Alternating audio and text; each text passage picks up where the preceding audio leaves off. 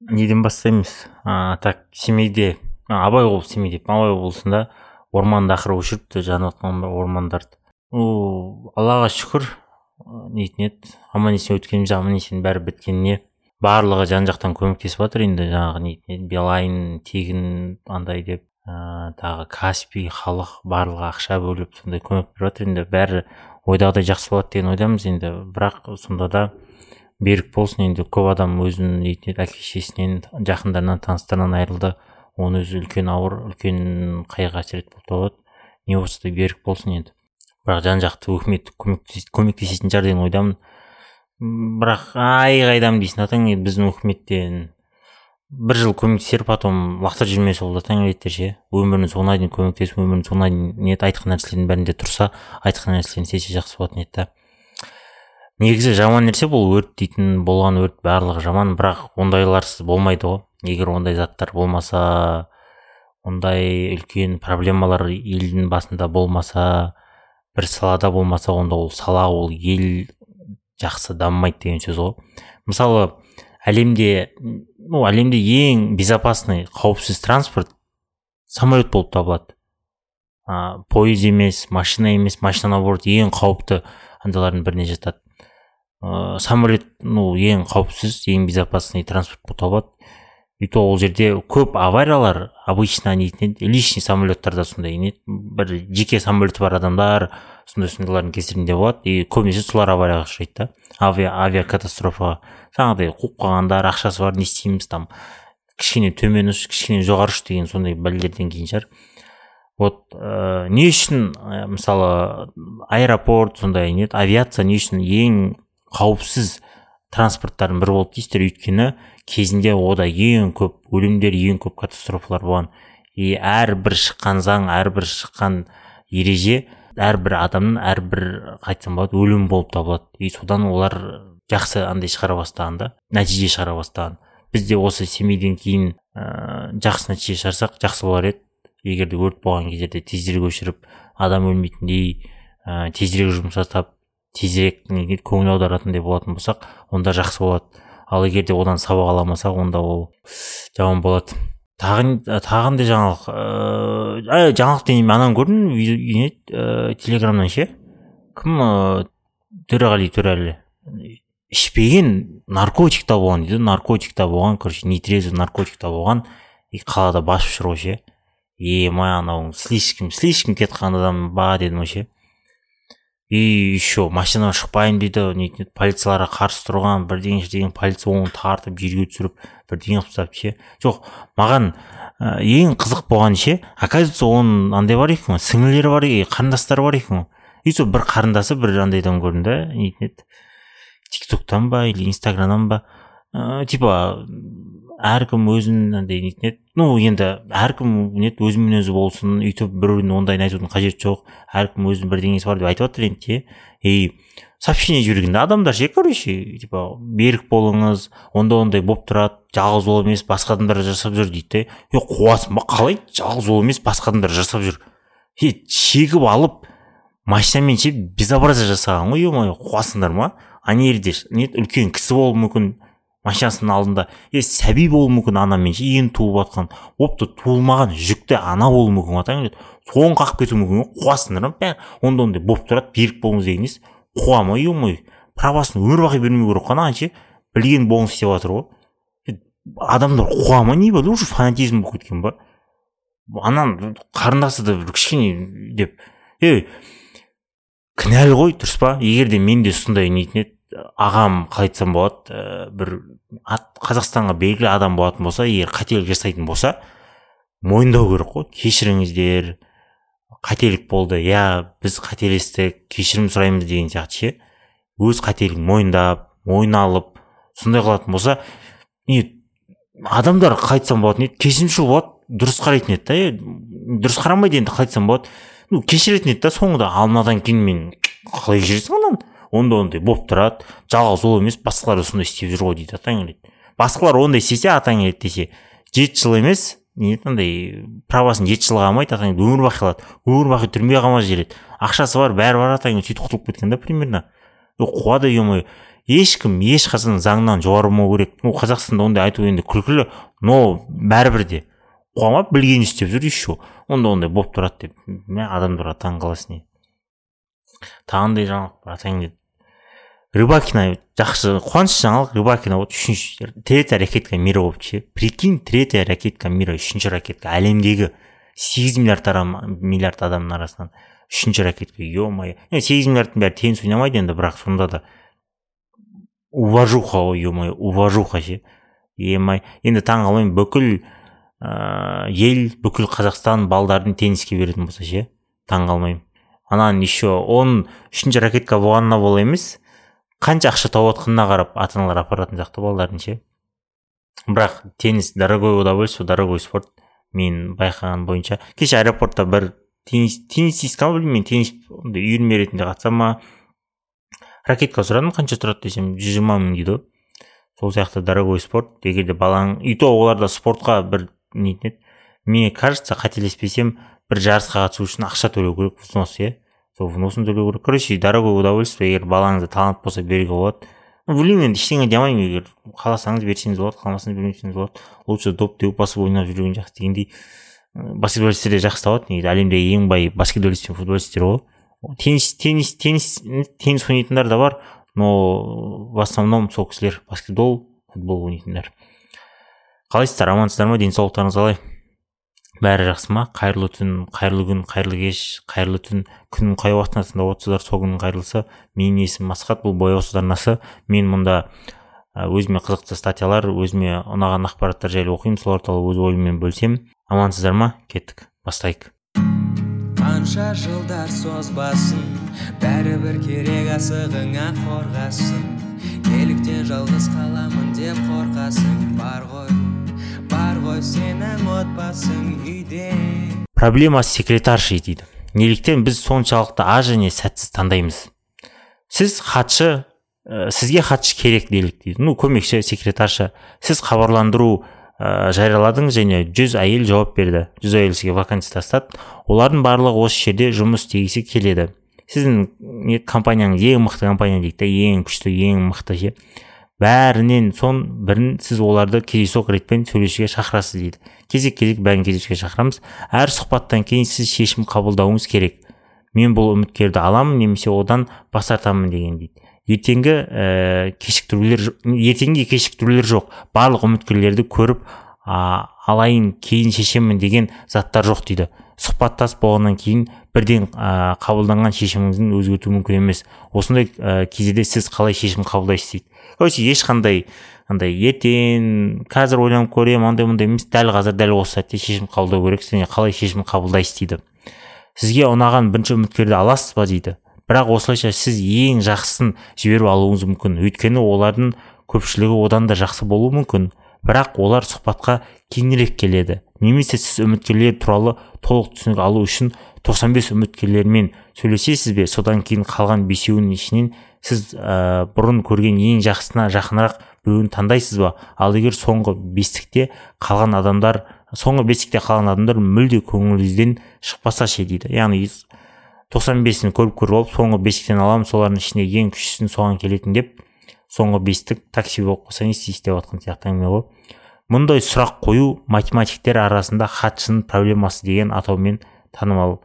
Проблема секретарша орысша аударғанда ә, бір таңқаларлығы хатшыны таңдағанда бір оңтайлы керемет шешім бар. Сіз алғашқы 37 үміткермен сұхбаттасасыз және бәрінен бас тартасыз. Сонымен қатар сіз осы отыз жетінің ең жақсы кандидатурасын ең жақсы кандидатурасының қандай қасиеттерге ие болғанын атап өтесіз. Содан кейін сіз сұхбаттасуды жалғастырасыз және алдыңғы отыз жетінің ең жақсысына ә, ең жақсысынан асып түсетін жұмыс іздеушіні жұмысқа қабылдайсыз. Осылайша сіз керемет нәтиже аласыз дейді. Бұл жүздеген үміткерлердің ішіндегі ең жақсысы болмауы мүмкін бірақ сіздің таңдауыңыз өте жақсы болатынына кепілдік беріледі. Статистика статистика іріктеудің барлық ә, барлық басқа әдістері нашар нәтиже беретіндігі дәлелденген дейді дәлелдейді дейді. Яғни сіз егер де бір таңдау болатын болса ә, жаңа ана жерде секретаршылар деп жатыр отыз жеті секретаршаны қарайсыз да. Так арасында типа отыз жетісін қарайсыз отыз жетінің арасында ең күшті қабілеттерін түртесіз да. И келесі отыз жетінің отыз жетінің бәрін алмайсыз жұмысқа и келесі отыз жетіні кіргізесіз. Сол жерде бірінші рет ана андайларын түртесіз екінші рет андайларын түртесіз үшінші рет үшіншісінде барлығы жаңағы қабілеттер болатын болса сразу сол үшіншісін ала саласыз деп жатыр.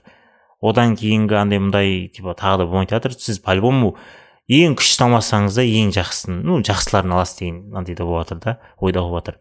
отыз жеті санның ерекшелігі неде дейді? отыз жеті он математикалық тұрақтылық бөлігінен е екі бүтін жеті жүз он сегіз сізде елу үміткер бар делік сіз алдымен он сегізін он сегіз үміткерлерді қарап олардағы ең жақсы қабілеттерді түртесіз. содан кейін өткен он сегіз үміткер арасындағы ең кереметіне жетеді ау. Ең кереметіне жетеді ау сонымен бірдей ау дегенін таңдайсыз дейді короче жүзден отыз жеті болатын болса үштен бірі ғой ұзын сөздің қысқасы. Жүз болса отыз үшін қараңыз елу болса қағыдай қалай он бес он бес иә сондай он бес он бес бір он екі он үш шақтысын қараңыз солардың арасынан ең жақсыларын таңдайсыз да потом келесісінің бәрін андай қыласыз. Келесілерінен сол қабілеттерді таңдайсыз. Қызығы ең алғаш хатшы проблемасы үйлену проблемасы деп аталады. Сұрақ келесідей қойылады. Ең жақсы әйелді немесе күйеуді таңдамас бұрын қанша күшті әйелді күйеуді сынап көру керек? Бірақ өмірдегі ықтимал серіктестердің санын, ә, санын алдын ала анықтау мүмкін емес дейді. Өйткені бұл салада берілген әрекеттер тізбегі ә, тізбек тізбегі жарамсыз болып шықты. Оңтайлы емес. Математиктер осылай проблеманы атауын өзгертті дейді. Жаңағыдай ғой біз үйленетін кезде секретарша тыңдау деген мысалы жаңағы мына жерде оңай мысал да енді. Секретарша секретарша жұмысқа аламын дейсіз сізге үміткерлер керек солай таңдайсыз. Ал типа сіз айтпайсыз ғой енді мен үйленейін деп жатырмын маған үміткерлер керек деп отпайсыз ғой сізге жүз әйел келмейді ғой. И жүз әйелдің арасынан бүйтіп таңдап алмайсыз ғой. Егер де сіз там джефф безос илон маск болсаңыз базар жоқ енді иә онда келеді енді. Ал былай ай қайдам сен ондай емес аусың братан сен мен тыңдап отқан бірақ сондай бол сондай күшті адам бол мен саған сенемін сен сондай боласың. Әйел адам тыңдап отырса джеб позиция әйел сияқты или там күшті кім әйел бар қандай әйелдер бар өзі күшті нетін еді не еді уайлберстің основательницасы или жаңағы германияның кім еді канцлері сол тағы қандай бар ким кардашьян дейсіздер ма короче сондай сондай күшті адамдар бар ким кардашьян күшті емес бірақ менің ойымша ол бірақ сондай күшті адамдарға жетіңіздер. Ну осы жерде айтып отқан жаңағыдай ғой енді. Қанша не әйел адамды қанша ер адамды сынайсыз қанша ер әйел адамды көресіз дегендей ғой. Мысалы сіз ойламайсыз ғой. Так мен бесеумен кездесемін келесі бесеуінен тыңдай деп ше. Келесі бесеуін сынап аласыз келесі бесеу болмаса ше таңертең бес қызыңыз алда болмаса бес жігітіңіз болмаса ше сөйтіп қаласың ғой. Андай притча бар ғой бұған ше. Ыыы бір ең не әдемі әйел жалғыз өзі алып кеткен да тұрмысқа шықмай қалған. И сол кезде бір таныс сұрады да сен неге тұрмысқа шықмай қалдың? деген сияқты ше. И оған айтады да бір үлкен поляда болады гүлдер өсіп жатады да. И осы гүлдің арасынан ең күштісін таңдашы дейді да. И бірақ артқа қарай жүрмейсің артқа қарай қарамайсың дейді да. Тек қана алға ғана жүре бересің дейді да. Мысалы бір гүлді көрдің и ол гүл типа ұнамайтын болса сразу алға кетесің ана гүлді ұмытасың дейді да. Сол сияқты да. Ана жігіт барады короче бірінші гүлді көреді да. Әдемі болып тұрады ар жағына қарайды тағы бір әдемі гүл сияқты болады. И оны тастайды ана гүлге қарайды потом ана гүлді қарайды ана гүлді қарайды. Ар жағына қарайды тағы гүл тағы гүл тағы гүл деп солай кете береді кете береді кете береді. И соңында уже поля таусылады гүлдер таусылады. И уже артқа қайтуға болмайды. Артқа қарауға болмайды и солай дегендей. Вот жалғыз өзің қаласың. Сондықтан да таңдаған кезде де жақсы білу керек. Ә, жақсы таңдай білу керек. Бұл жерде таңдауда компромисс қой. Қалай айтсам болады золотая серединаны табу керек. Кемшіліктерін де плюстерін де қабылдау керек. Мысалы сенде бар ғой. Ыыы мінсіз адам жоқ қой. Өзің главный плюстарың бар ғой мысалы. Мен әйелімде осындай осындай болу керек деген сияқты. Вот соны тыңдау керек та. Қалғандарына аса қатты көңіл бөлмеу керек деп мен ойлаймын солай. Ол кішкене ауысып кеттік негізі солай.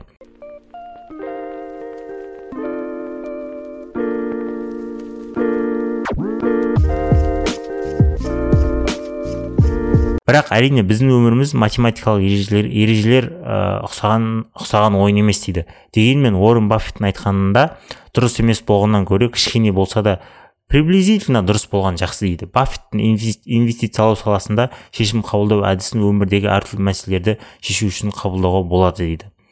Неліктен хатшы проблемасы біз үшін де қызықты. Оның шешімінде маңызды мәселе бар. Маңызды мәселе бойынша түпкілікті шешім қабылдағанға дейін іріктеп ә, сынамалар қанша уақытқа созылу керек дейді.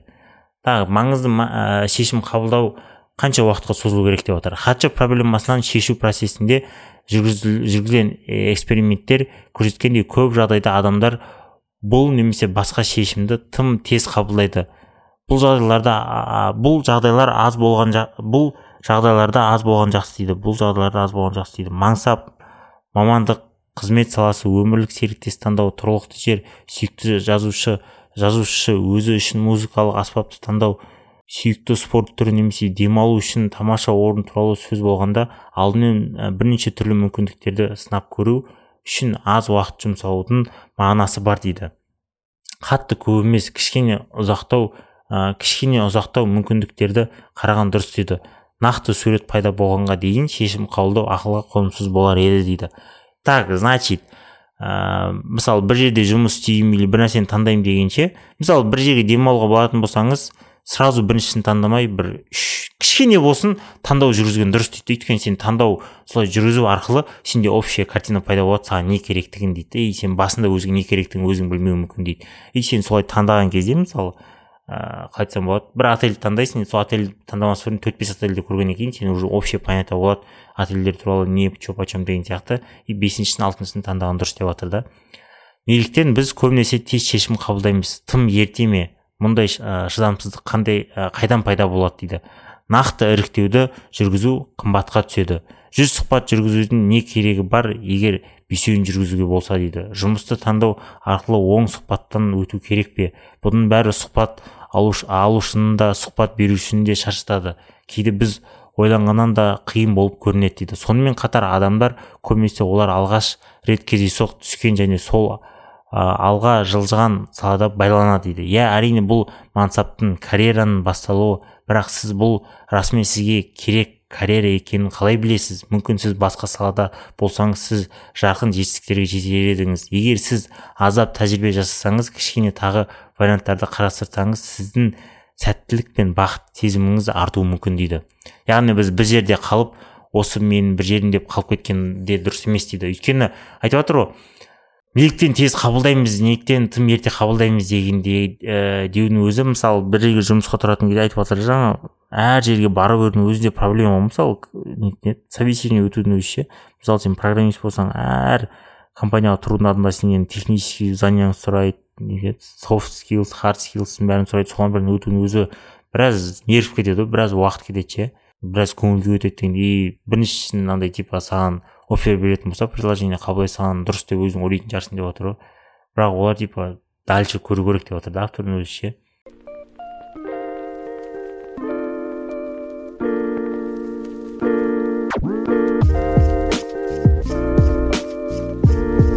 Біз асығыс шешім қабылдауға бейім болуымыздың тағы бір себебі біз біздің басымызда тәртіп болғанын жақсы көреміз дейді. Артық ой жоқ артық маза жоқ дегендей. Біз екіншісіне өту үшін бірінші сұрақ туралы ойлауды тезірек аяқтағымыз келеді. Қарапайым сұрақтарды шешкен кезде бұл жақсы және дұрыс бірақ маңызды мәселе туындаған кезде бұл кері нәтиже береді дейді. Тесттегідей ғой мысалы біз тестте уақыт береді бізге бірінші сұрақты тез бітіп екінші сұрақ тез бітіп үшінші сұрақ тез бітіп тезірек көшкен дұрыс деп ойлаймыз. Бірақ өмірде олай емес деп жатыр осы кезде де мысалы мектепті мысалы мысалға алып шығар деп ойлаймын мен автор. Өйткені тест болсын бақылау болсын бәрінде тез тез тез тез тез тез тез тез деген оймен біз жүреміз и сол тез тез дейтін ой біздің ойымызда миымызда сақталады да біз сонымен өмірлік ыыы өмірге қажетті өмірге пайдалы нәрселерді де сонымен шешеміз деп айтып отыр автор. Ал ондай болғаны дұрыс емес дейді. Көбінесе кішкене ойланып асықпай шешкен дұрыс деп жатыр да. Бірнеше ай бұрын біз күтушіні няняны короче няняны жиырма жастағы қызды жұмысқа алдық. Ол қатты көңіл күйі болмады. Оның жігіті бірінші және әзірге жалғыз адам оны тастап кетті. Оның кезінде мезгіл мезгіл оның көзінде мезгіл мезгіл мезгіл мезгіл көз жасы пайда болды. Біз оны ересек ақылға қонымды адамдардың ә, байсалдылығымен тыныштандыруға тырыстық. Сен әлі жассың алда әлі көп уақытың бар. Сен әлі де ондаған немесе жиырмаға жуық ер адамды сынап көресің. Сонда ғана сен шынымен кім саған сәйкес келетінін және сен кімге сәйкес келетінін түсіне аласың. Оның қайғылы бетінде ашық күлкі пайда болды. Менің ойымша мұндай сөздермен біз оның көңілін аулай алмадық. Ну солай ә, ну сол кезде аулай алмадық дейді.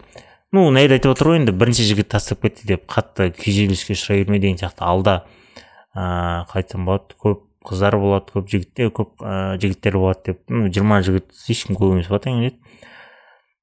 Бірақ бұл жерде де андай бар мысалы сен бірінші жігітті көресің бірінші жігітте типа не ұнаған типа саған қалай қарым қатынас жасаған арқылы сен вообще негізі адам мысалы қалай айтсам болады сен өзіңе қатты не керек екенін мына жерде деп отыр енді жаңағы қыз қыз ретінде ше мысалы қыз бір ер адаммен жүреді ер адаммен жүрген кезде саған қандай отношение ер адам қандай отношение саған ұнайтынын білу өте қиын. Егер де сол адам басқа бір адам сырт жақтан саған көрсетпесе ше мысалы сен бірінші жігітпен кездесесің бірінші жігітте так маған осылай қараған ұнады маған осындай жағады екен маған мынандайлар жақпайды екен кетті.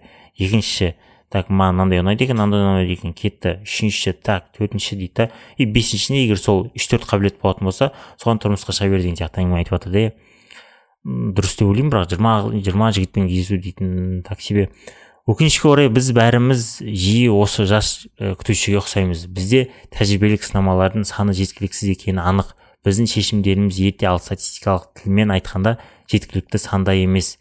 Біз шындықтың жалған бейнесін бейнесіне сүйенеміз. Екі үш сынамадан кейін әлемнің алуан түрлілігіне ең жақсы күйеудің немесе әйелді мінсіз жұмысты ең қолайлы тұрғылықты ә, жерді ә, таңдаймыз деп сенеміз. Әрине солай болуы мүмкін. Егер сіз сәтті болсаңыз олай болса ә, сіз шын жүректен құттықтаймын. Бірақ мұндай жағдайда бұл ә, бақытты бірақ мұндай жағдайда бұл бақытты жағдай. Бірақ оның қайталануы ә, қайталануына үміт артуға болмайды. Өмір деген олай емес қой дейді. Әлем біз ойлағаннан әлде қайда үлкен алуан түрлі және мағыналы. Жас кезіңізде статистикалық іріктеу үшін мүмкіндік мүмкіндігінше көп сынама алуға мүмкіндік беріңіз.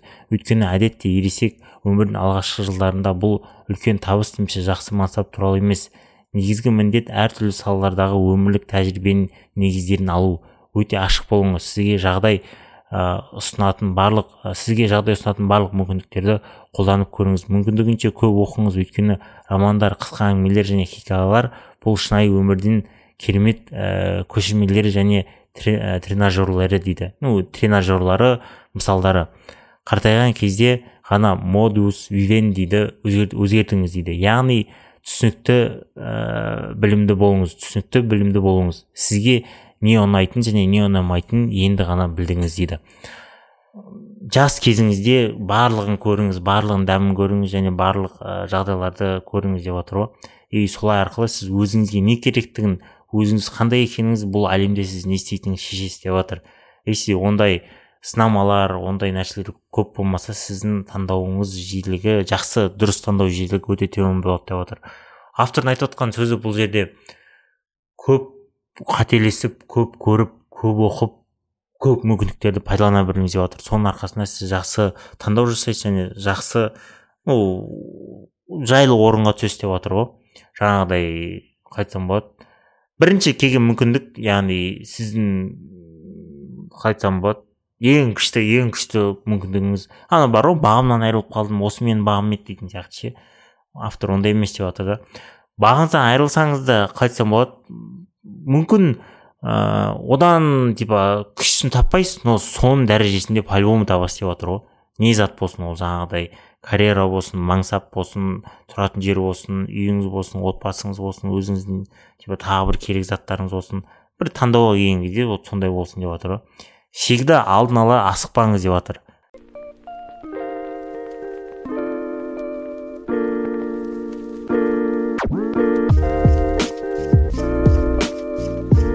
Ну қорытындылай келген кезде әрдайым барлығын көріңіз бәрін жаңағыдай дәмін татыңыз иіскеңіз ә, түртіңіз көріңіз оқыңыз істеңіз.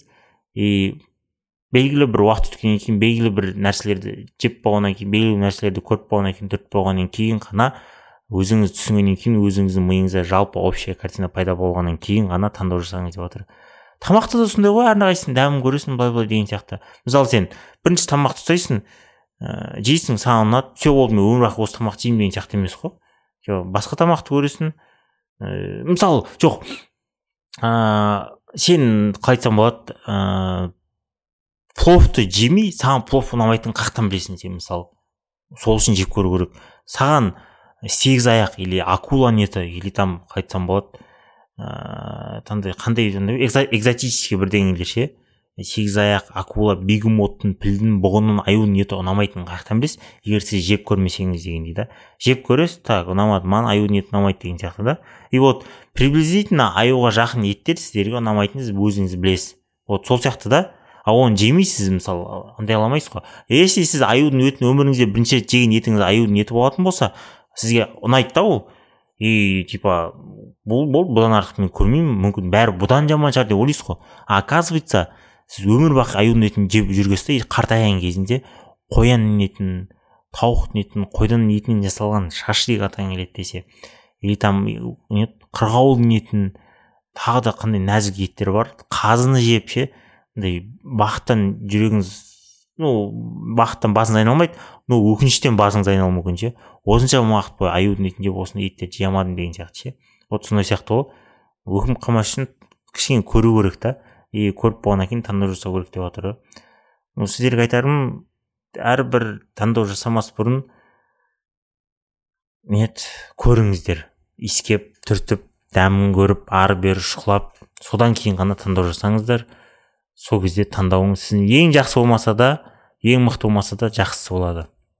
Все бүгіндікке осы аман сау болыңыздар. Өртенбей спичка анау мынауларды дұрыстап пайдаланып дұрыстап андай қылып жүрген жер ештеңені өртемей бәріміз аман сау болайық қазақстан елі аман болсын.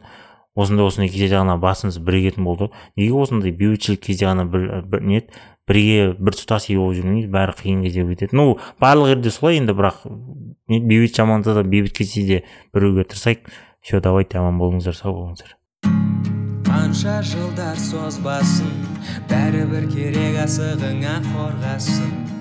Неліктен жалғыз қаламын деп қорқасың. Бар ғой бар ғой сенің отбасың үйде.